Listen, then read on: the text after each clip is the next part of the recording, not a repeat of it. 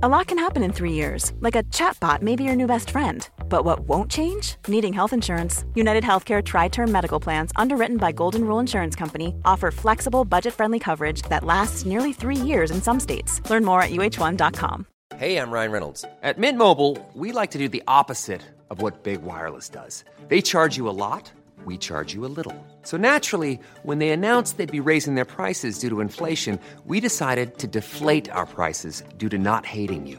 That's right. We're cutting the price of Mint Unlimited from $30 a month to just $15 a month. Give it a try at mintmobile.com slash switch. $45 upfront for three months plus taxes and fees. Promo for new customers for limited time. Unlimited more than 40 gigabytes per month. Slows. Full terms at mintmobile.com.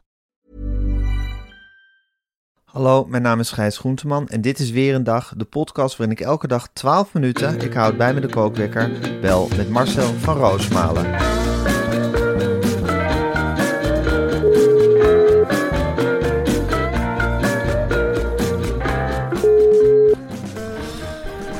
Marcel, heb je geslapen überhaupt? Goedemorgen, hè? Goedemorgen Marcel. Oh, Gijs, ik ben eh, midden in de nacht gisteren vanuit Groningen teruggereden met die, met die, met die bruining. bruining. Helemaal hyper, drie keer gestopt om wat te eten. Nee, maar, pff, eh, weet ik veel, allemaal, allemaal nieuwe plannen en... eh, ik zei,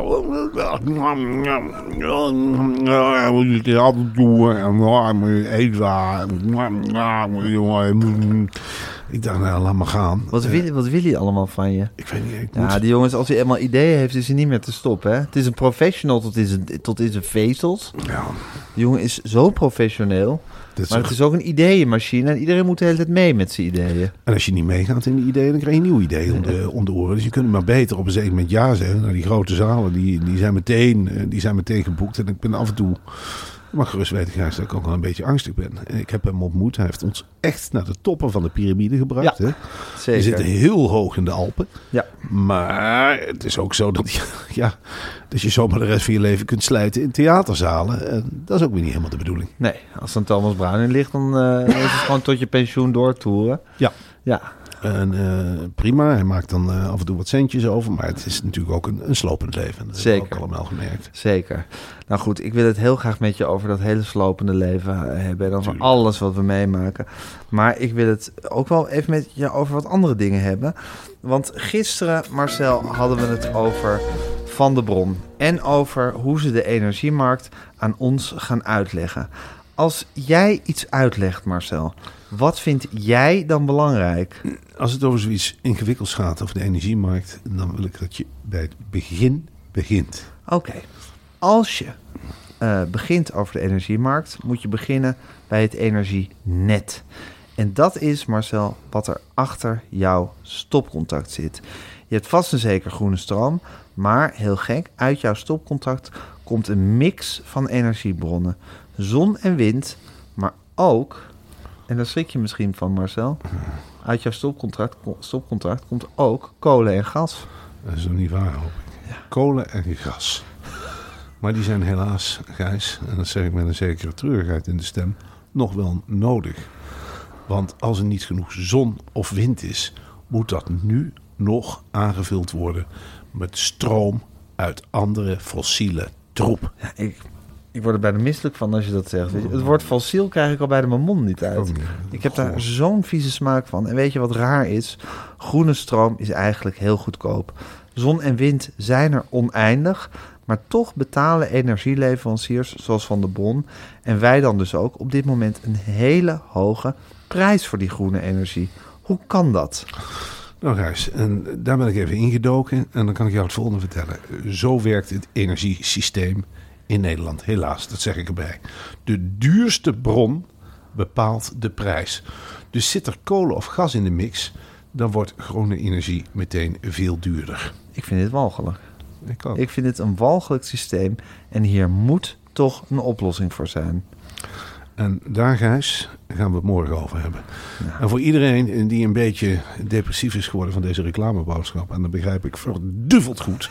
want je zit verdomme wel met je klauwen aan die fossiele energie... waar we met z'n allen heel graag met zeven mijls passen afstand van willen nemen. Morgen is de boodschap wat vrolijker. Ja, Gijs, ik zit nou weer met die fossiele... Ik heb gisteren... Ik reed mijn bruining terug... Ja.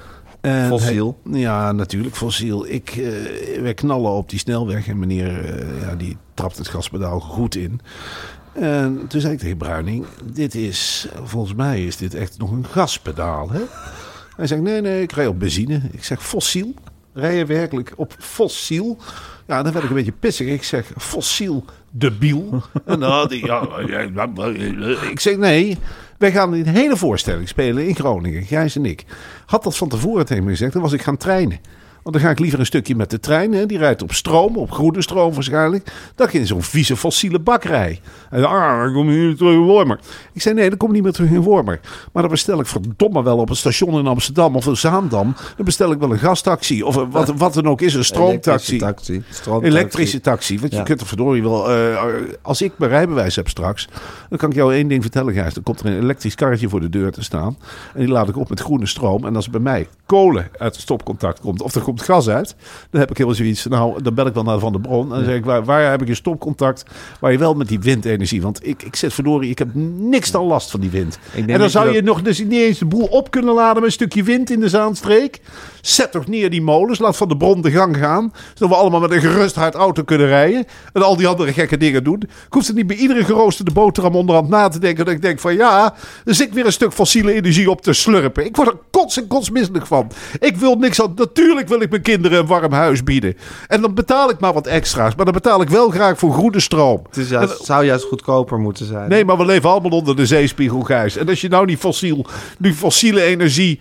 Ja, dan gaan we nog naar Qatar. Ik word er knettergek van. Dan mag je gerust weten. Hoe moet ik, hoe moet ik me in deze strijd werpen? Behalve dan dat ik van de bron... Ja, Schaar je achter Van de Bron. Dat- Natuurlijk. Dat is, dat, dat- ik zet mijn geld op Van de Bron, hoor. ja, ik ook. Ja, Ja, ik, ik heb Ja. de hele tijd van de bron. Johnny van de Bron. ja dat is natuurlijk dat, dat is lastig. Maar het is Van de Bron. Het is Een van de bron. Ja. En Nico op het eind. Ja, het is een geweldig bedrijf. Het is een geweldig bedrijf. Ik heb een rondleiding gehad bij het hoofdkantoor. Maar moet je eerlijk zeggen, ja, dan ontmoet je zulke aardige... Ja, het zijn... Het zijn niet de vrienden die je uitzoekt. Het zijn vriendelijke kwezels. Sommigen lopen in jute zakken. En dan kan het ook schelen, weet je wel. Ik zeg wel van, nou ja... Je geeft zo'n box en je zegt, nou, ik hoop dat jullie doorzetten. Ik hoop dat jullie aan de winnende hand zijn. Als ik een handje kan helpen, dan zeg ik, nou, dat kan. Sluit je aan. Sluit je in godsnaam aan. En vertel dit verhaal in je podcast. eh, je kunt met twee misfits zijn. Maar als je met een paar duizend misfits bent, huppakee, dan weet je die strijd tegen die... Precies. Dan heb je een die- leger van misfits en dan kom je een heel end mee. Want je vecht wel ergens tegen, hè? tegen die fossiele eikels. Want dat zijn vaak gespierde kerels. Hè? En dan kun je maar één ding tegenop, met de massa. Met de massa, met z'n allen, huppakee. En dan hebben we maar een vlekje. Maar knokken wel. En wij maken die wereld dan wat duurzamer. Gaat het niet goed schiks, dan gaat het kwaad schiks. Want ik ben niet, ik ben niet bang op te schieten hoor. Op die fossiele jongens. Oh nee. Ik laat mezelf ten onder, ten, ten onder gaan we toch op deze manier. En dan, ja, nou goed.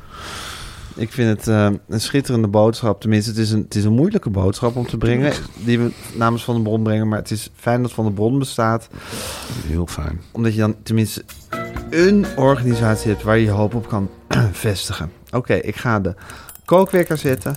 En hij loopt. Eh, Johnny de Mol, Marcel. Eh, vriend van de show, wat mij betreft. Hij is nooit in de show geweest. Hij had wel de Bij Media intentie. Insight. Maar hij heeft echt een keer de intentie uitgesproken. Vlak voordat hij in dat nare, die nare affaire verwikkeld kwam. Hoe is het nu met hem? Ik weet het niet. Eh, ik weet één ding wel, Gijs. En dan kijk ik puur naar het talent van Johnny van der Mol. Eh, John, ja, ik ben helemaal die van Johnny de van der Bron. Van de. Bron. Johnny de Mol. Het is Johnny de Mol. En John ik wil van der Bron. op deze plek... van Vitesse. Ja. En Johnny Mol, ik wil op deze plek bedanken voor wat hij Nederland heeft gegeven. Hij heeft ons een hele mooie talkshow gegeven. Ik vond het. Heel veel mensen vonden het. Och, Johnny de Mol, die kan er niks van. Ik vond het een ontluikend talent.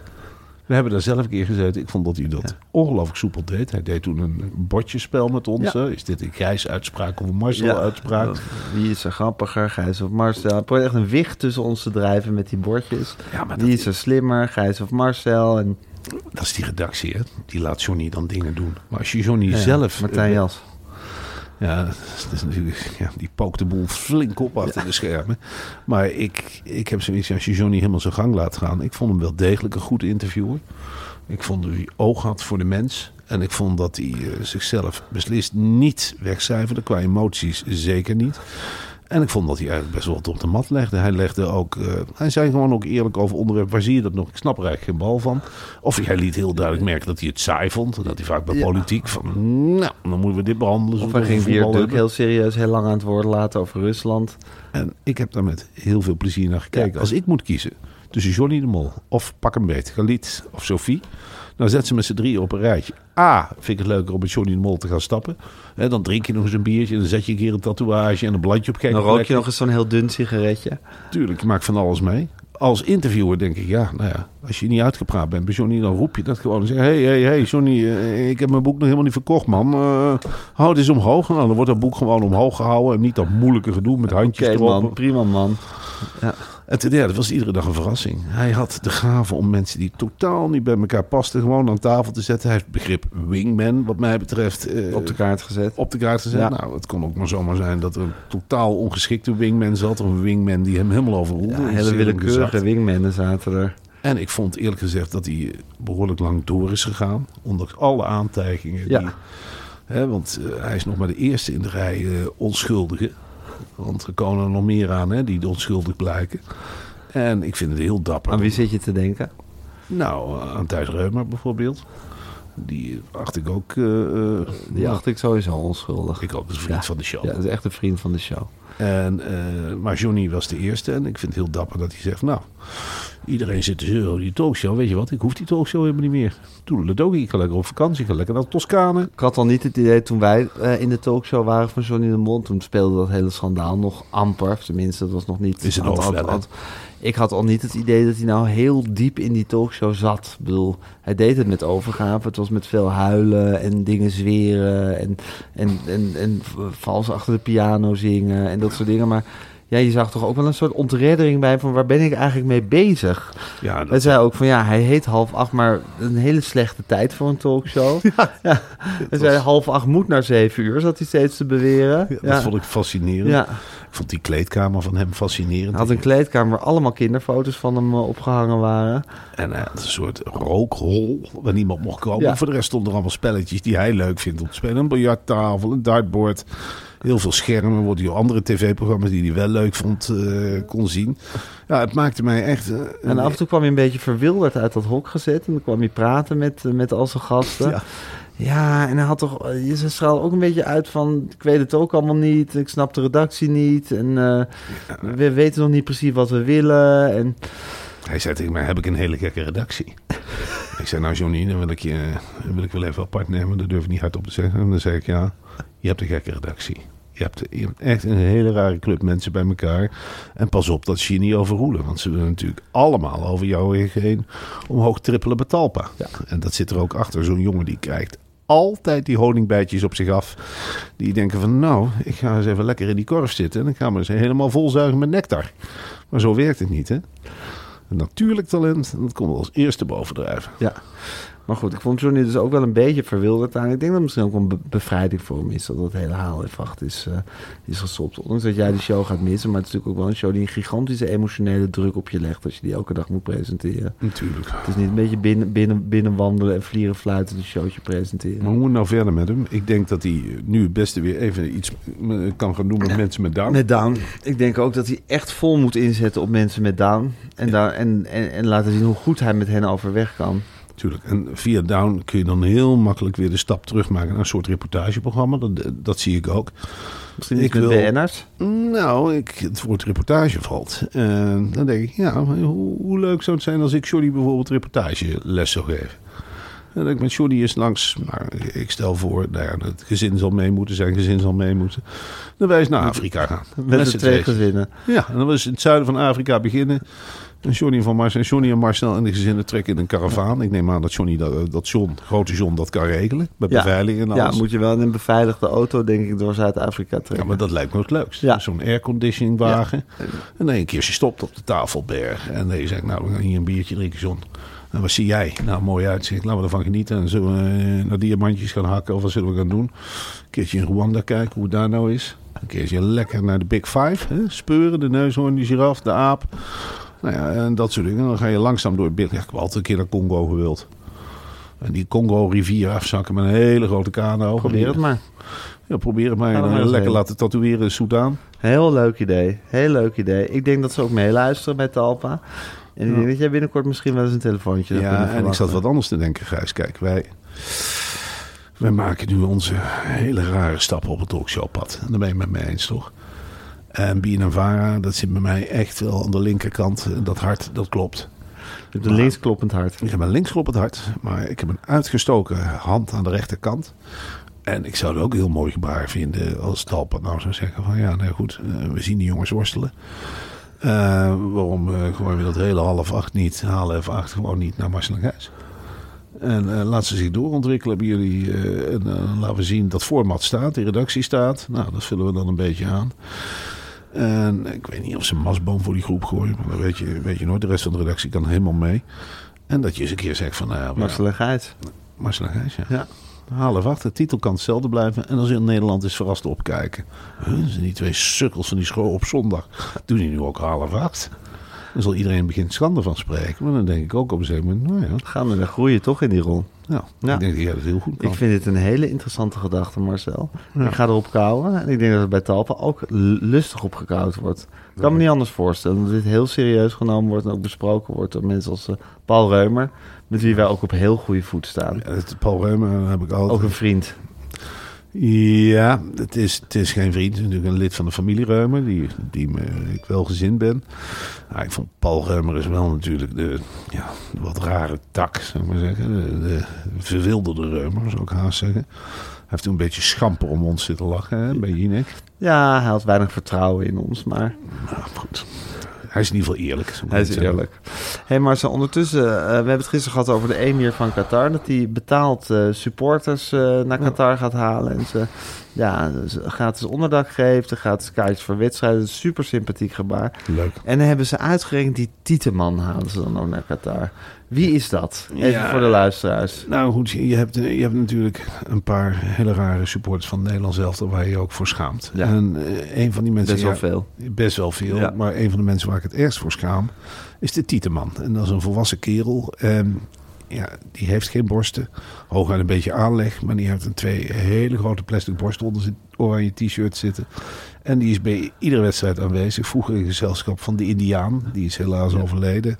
En die man met die kaas op het kop. En ik vind dat niet iets om trots op te zijn. Ik wil op deze plaats de Emir, die toch echt zijn goede bedoelingen heeft getoond. eh, zeggen van ja, wat haal jij binnen met Harry de Tieteman? Ja, Wat, wat, wat ga je nu? Het kan natuurlijk een heel slim plan weer zijn van de emir. Dat je denkt, nou ja goed, dan heb ik de gekkies ook vertegenwoordigd. En dan isoleer ik die Tieteman wel. ja. Maar ik vraag me ook een beetje af, Emir, wat wil je precies uitstralen? ik vraag me ook af of, of de Emir nu niet via de band Nederland een hak aan het zetten is. Zo van, jullie gaan met die, met die gekleurde armbandjes spelen, dan nodig ik de Tieteman uit op de tribune. Ja, en dan die Tieteman die dan uitlokt, zogenaamd. Het kan een heel slim plan zijn van de emir inderdaad. Dat de emir kei en keihard gaat ingrijpen met al zijn camera's. En dat hij zegt van ja, I punish the Dutch supporters now because of the Tieteman. I give them free tickets and now the Tieteman is here in Qatar. En daar houdt hij niet van. Daar houdt hij absoluut niet aan. Je moet er niet aan denken dat in Qatar, waar alles zo schoon is en rein... en dat je die ijsstadions hebt daar in de woestijn. Die ijskoude stadion. Ja, die ijskoude waar je ijshockey kunt kijken. Ja. En dan zit je even weg van het WK. Dan zit je lekker in dat ijsstadion in de woestijn. Dan een ijshockeywedstrijd te kijken. Dan komt één keer die Tieteman binnen zitten. En met zijn platte accent. En met zijn, met zijn oranje t-shirt. Ja, ik schaam me er als Nederland ook wel voor. Ik heb sowieso iets van... Ik, ik heb altijd, ik weet niet of je dat ook hebt... die schaamte gevoeld voor de Nederlandse supporters. Zeker, ja. Ik bedoel, met clubvoetbal... Dit is iets waar je niet bij wil horen. Nee, met clubvoetbal zijn die, die, die scheidslijnen zijn veel duidelijk. Maar bij het Nederlands elftal lijkt wel iedereen... Het is een zoontje ongeregeld dat zich op een belachelijke manier uitdost. Nog smaak. feeststemming aan het creëren is op de tribune. Ik vind het zo raar. Dat, eh, wij zijn dus zo'n verbitterd land. Maar als we ergens heen gaan, is het meteen feest als we vliegtuigen uitstappen. Ja, Wat gebeurt daar? Ja, dat weet ik niet. Er gebeurt iets in die koppies. Eh, Het is in één keer van, nou, we zijn namens Nederland. Dan is het juichen als je andere Nederlanders ziet. Ik heb die neiging nooit. Ik zie dan lopende band Nederlanders. Ik heb nooit de neiging om te juichen. Nooit. Niks, geen haar op mijn hoofd. En als ik Harry de Tieteman tegenkom, dan wil ik weg uit Qatar. En misschien is dat het signaal wat de emir wil uitzenden. Dat je denkt, ja, dan hou ik in ieder geval de normale Nederlanders weg. Want die zitten maar te zeiken. Het is mij een beetje onduidelijk waar de Tieteman precies, of waar de emir precies mee bezig is. Maar ik vind de Tieteman een veegteken. Ja, en ik ben dan bang. Willem Vissers heeft aangekondigd hè, dat hij het verhaal achter het verhaal gaat schrijven. En dan zie je zien dat hij achter die Tieteman aan wil lopen voor een reportage. Dat hij gewoon denkt, nou, ik ga eens achter de Tieteman aan. Kijk wat daar voor verhaal achter zit. Nee, je moet de slums in. Je moet naar die grensgebieden van Qatar. Kijken wat daar gebeurt. Vind ik een heel interessante gedachte, Marcel. Ik ben er geweest hè, in Qatar. Ja, dat weet ik. Heb je gisteren verteld. Ah, ja, ook ja. in de woestijn, hè? Ja, Dat is een bloedheet. Dat wil ik alle Nederlandse supporters behalve in de stadions. Daar Stadions is het koud, maar maak die vergissing nou niet, jongens. Als je die koude stadions uitkomt, dan heb je in één keer die warmteshock. Ja. Dan heb je in één keer, dan kom je die gloeiend hete zandbak binnen. En daar moet je op gewapend zijn. Ze dragen in ieder geval niks allemaal hoofddoeken. En weet ik het allemaal niet, maar die grote witte, witte kappen, de mannen ook. Want dat is echt, en ze leven niet voor niks in tenten. Dat is geen luxe, hè. Een baksteen, dat wordt gloeiend en gloeiend heet. Beter... Dus de Oranje supporters gaan daar nog heel wat beleven. Wil je zeggen? Je denkt dat er misschien ook wel ja, mensen hun gezondheid, op hun gezondheid moeten Ze letten. gaan de gekste dingen doen. Ze gaan op bananen jetskiën. Dat moet je niet doen van 50, 55 graden. Ze gaan tochten maken op kamelen door de woestijn. Nou, die Cataresi, die hebben niet voor niks de kameel in de, in de schuur gezet. En gewoon een luxe wagen genomen. Omdat ze ook wel zoiets hadden. Want die kamelen, dat is Geen airco. bloedend heet. Het begint te broeien als een gek. Je zit op een kameel. Als je erop gaat zitten, Gijs, het begint te broeien. De beestjes die kruipen aan de binnenkant van je broekspijpen. Gewoon naar boven en die beginnen te kriebelen en die kruipen overal in. Wat je daar ook hebt, schorpioenen. Het is niet zoals hier, weet je wel. Het is niet dat je... Natuurlijk in de bewoonde gedeelte, aan de kustgedeelte... ga je van supermarktje naar supermarktje, van stalletje naar stalletje. Maar ga je echt die gloeiend hete zandbak in... er is niemand om je te helpen. Echt helemaal niemand. En dan kun je als oranje supporter, als een soort oranje biet... die woestijn in rijden. Ja, en dan... En dan eh, een schorpioen in je broek zitten. En dat is niet zoals hier in Nederland dat je 112 belt en er een ambulance aankomt. Wel nee, ze ben je gelijk te schieten. Dan ben je gewoon al hulpeloos verloren. Dat willen ze daar niet in het, eh, in het ziektekostensysteem. Maar nee, het is daar heel wat offers gebracht hoor, in de woestijn van Qatar. Wauw, ja. Pittig. hey Marcel, we waren in Groningen gisteren. Wil je er nog een laatste woord over spreken? Nou, ik vond Groningen, eh, ja, dit is, het was een, echt een, eh, een mooie stad. En het was een hele warme schouwburg eh, waar we in vielen. Nou, we hebben die voorstelling. Ik vond het ook wel eens leuk om een keer iets voor de camera's te doen wat, wat goed ging. Ja, dat is weer wat anders. Het, blij- het blijkt toch te kunnen.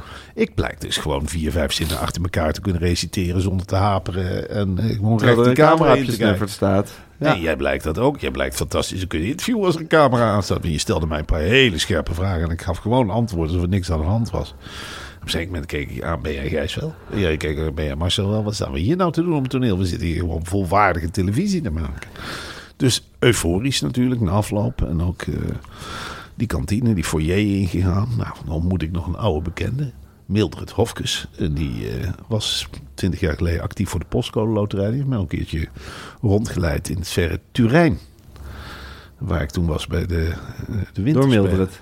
Door Mildred van de Oh, leuk. Postcode Loterij. Die heeft me toen helemaal gefetteerd. En die heeft me meegenomen naar de finale eh, van de vijf kilometer. Och, Dat was geen klap aan. nee? Nee, dat was, eh, Turijn is sowieso eigenlijk een sportstad van helemaal niks.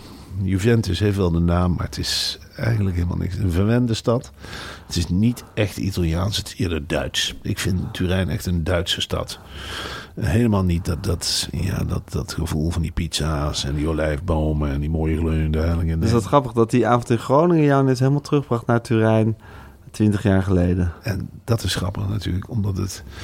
Kom ik steeds maar achter huis. Af en toe. Ik zat gisteravond ook in die, eh, in die kleedkamer in Groningen. En dan keek ik in de spiegel en denk ik. Jongen, jongen, jongen, wat heb je toch veel meegemaakt in je leventje?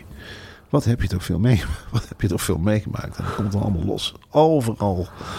Ja, komen de ene herinnering zijn schakeltjes die je legt. Dat heb jij Heb jij geslapen vannacht, Marcel? Heel weinig.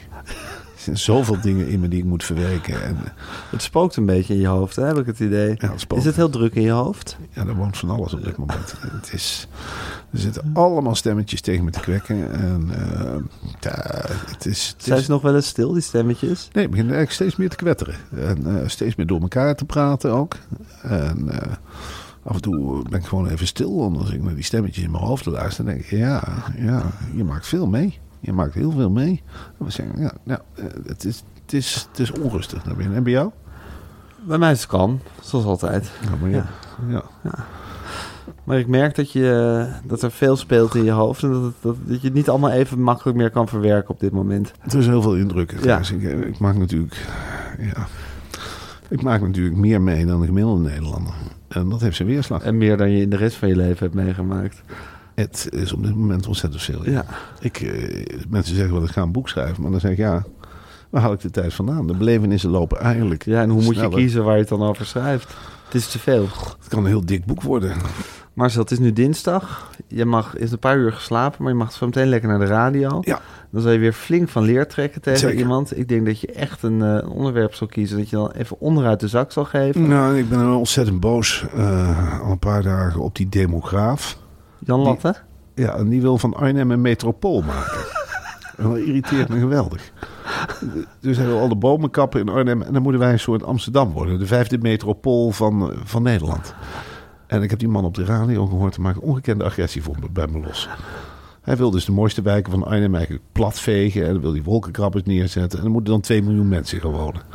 Nou, eerlijk gezegd... Jouw Arnhem niet. Eerlijk gezegd denk ik er niet zo over, nee.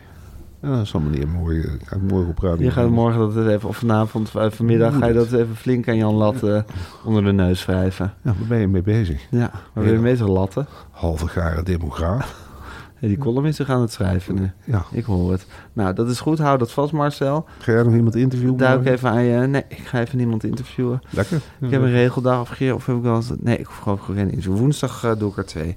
hey Marcel, eh, ik spreek je woensdagochtend. Is ja. Heel veel zin in. We zien elkaar vandaag even niet. Nou, ik ga zo even winnen. Vanavond eh, Glasgow Rangers tegen Ajax. Oh, dat, En ehm, ik spreek je morgen. ik ga die eh, stem in mijn hoofd eh kant stellen.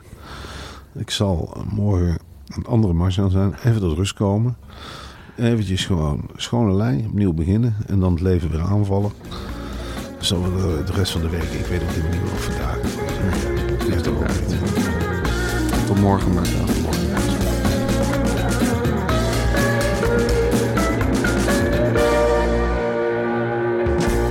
Dit was een podcast van Meer van Dit. Wil je adverteren in deze podcast? Stuur dan een mailtje naar info@meervandit.nl. Tired of ads barging into your favorite news podcasts? Good news. Ad-free listening is available on Amazon Music for all the music plus top podcasts included with your Prime membership. Stay up to date on everything newsworthy by downloading the Amazon Music app for free or go to amazon.com That's amazon.com slash news ad free to catch up on the latest episodes without the ads.